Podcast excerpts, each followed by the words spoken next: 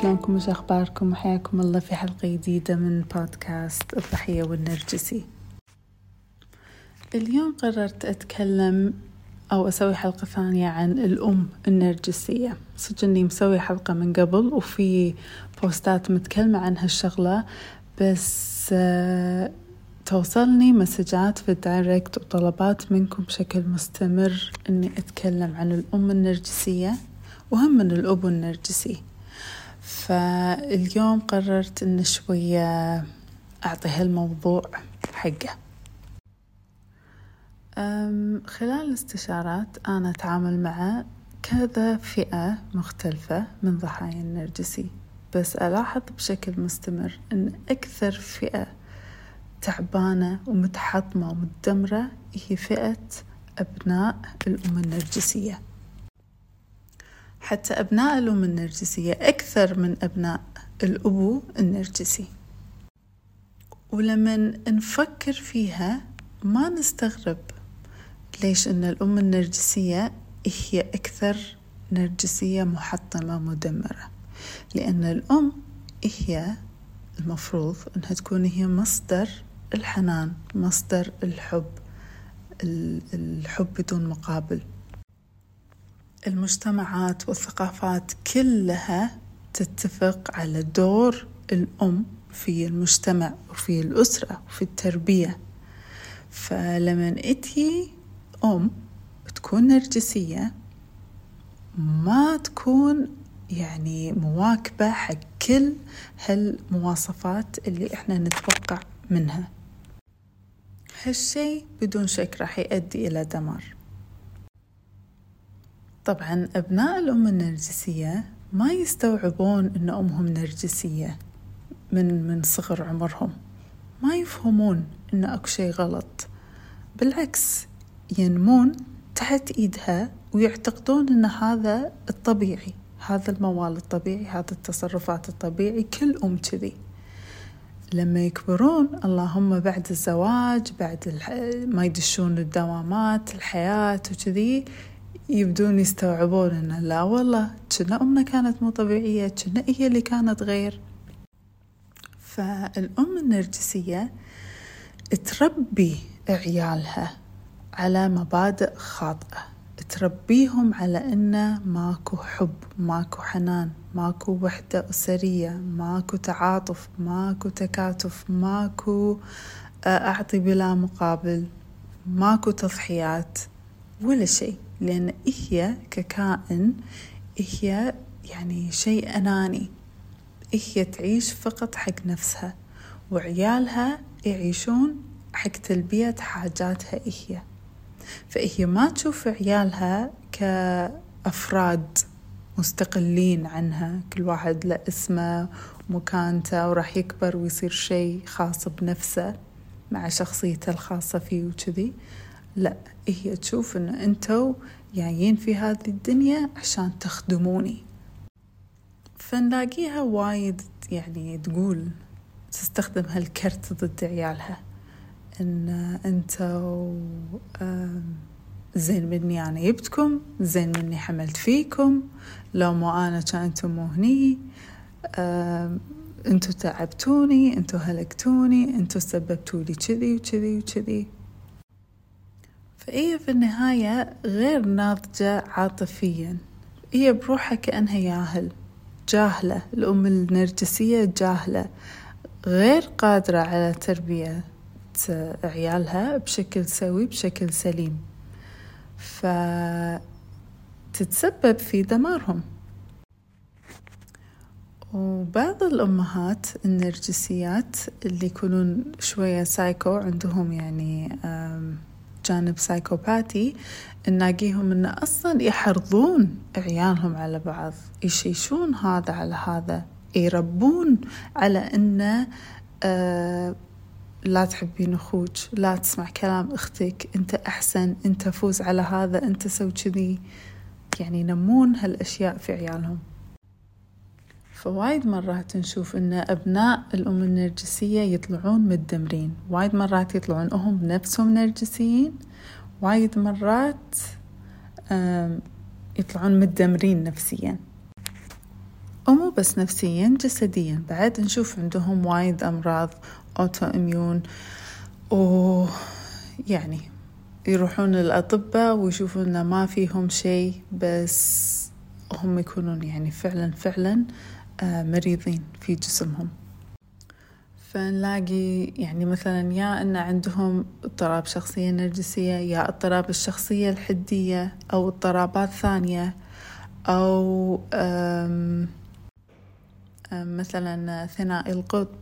نشوف عندهم أمراض المناعة مثل تساقط الشعر مثل الذئبة مثل القولون العصبي وغيره يعني.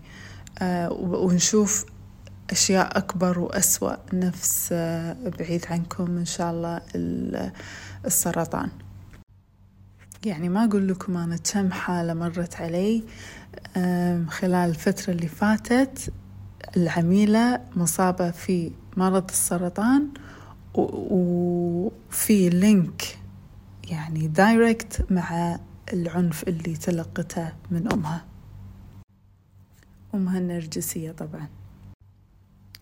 فنشوف أن الأم النرجسية ما مثل ما قلت ما تعرف تربي إنزين فمثلا حتى بناتها في سن البلوغ ما تقعد معاهم تكلمهم عن أشياء مهمة ما تقعد تكلم بنتها عن الدورة الشهرية عن البلوغ عن الهرمونات عن هالأشياء أنت قاعد تكبرين أنت كذي أنت تحتاجين. ما تكلم بنتها يعني أنا بدون استثناء كل الحالات اللي أمهم نرجسية قالوا لي هذا الشيء. أمي ما كلمتني عن الدورة الشهرية أمي ما قالت لي عن هالأشياء. طبعا حزة الزواج الأم تقطهم قط. خلاص تزوجي. هذا والأم تكون تنقي واحد يناسبها مثلا. انت راح تتزوجين هذا فلان الفلاني ولا ترى ما أرضى عليك ولا ترى حليب حرام عليك ولا ترى كذي. وهم بعد ما تتزوج بنتها نشوف إن الأم النرجسية تحاول تدمر زواج بنتها تخرب زواج بنتها حتى وإن كانت هي اللي نقت هذا الزوج. فتغار لأن هي بطبيعة نفسها الأنثى النرجسية ما تتقبل أي أنثى ثانية. حتى لو كانت بنتها أمها أختها بنت أي أي شيء ما تتقبل. تغار إن, إن هذه أنثى ثانية قاعدة آه، يعني كومبيتيشن معاي. وإذا صار عندها أحفاد راح تكرر نفس الموال اللي هي سوته لما هي كانت الأم. تفرق بين الأحفاد وتنقي طفل ذهبي وتعنف الباجي وهكذا. وطبعا من حركاتها إنها تبكي وتزعل و... وتسوي دراما وإن أنا المسكينة وأنا الفقيرة وكلكم ما تفهموني وكلكم ما تدرون عني وما حد يعطيني فلوس وما حد يحبني. يعني هذا يكون موالها. وللأسف أنه ما في أحد في الدنيا يقدر ياخذ مكان الأم. ما حد ياخذ مكان الأم. يا أن الأم تكون أم يا أن هي تفشل في أمومتها وما في أحد يقدر ياخذ مكانها في التربية. ففعلا هي مأساة الأم النرجسية. وللأمانة الأم النرجسية أسوأ من الأم الميتة لأن على الأقل الأم الميتة تحت التراب عندها عذر. بس الأم النرجسية شلون نعذرها؟ ما لها عذر. وطبعا من أكثر الأسئلة إن شلون نتعامل معاها ما تتغير المعاملة مع الأم النرجسية. حالها حال أي نرجسي لازم نحط معاها الحدود لازم نتشافى علشان نقوي نفسنا ضد اتهاماتها ضد أساليبها. الأم النرجسية وايد عنيفة على كل المقاييس. تطق عيالها مهما صار عمرهم. إن شاء الله في الخمسين في الستين للحين تطقهم.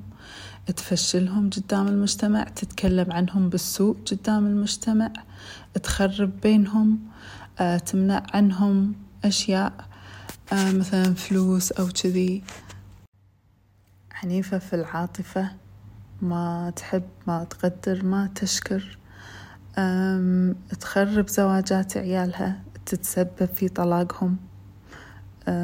ما عندها يعني مشكلة أنها تسوي هالأشياء. فماكو غير أن أنا أتعلم شلون أحط الحدود معاها أفهم إن هي تصرفاتها إسقاطات عن نفسها ما لهم شغل فيني أنا تصرفها هذا ما له شغل فيني أنا. هو شي صعب مو سهل عشان كذي هذه الرحلة المفروض إن ما تسوونها بروحكم. يعني وايد وايد الإنسان لما يطلب المساعدة يخفف على نفسه الثقل يخفف على نفسه الحمل. ما أقول لكم شكثر في, في الاستشارات. من أول استشارة تقولي العميلة أنا عمري ما قلت حق أحد كل هالكلام بس الحين ارتحت. مجرد أنها تتكلم ترتاح. فهذا شيء وايد حلو وايد يساعد في فترة التشافي. طولت عليكم اليوم. إذا في أي سؤال أو استفسار دزوا لي في ال direct message في الإنستغرام كتبوا لي تحت ال post أنا أرد على الكل. لا تنسون تشاركون المعلومات مع أحد تعرفونه تحسون إنه يحتاجها. ما تصدقون للحين أنا يعني توصلني مسجات يقولوا لي إن أنا توني أدري إن اللي عندي نرجسي توني أكتشف إن أكو في شيء اسمه نرجسي فما تدرون ممكن تنقذون أحد. وأشوفكم إن شاء الله الأسبوع الجاي ومثل ما عودتكم إحنا ما نقدر ننقذ النرجسي بس نقدر ننقذ نفسنا. أشوفكم الأسبوع الجاي.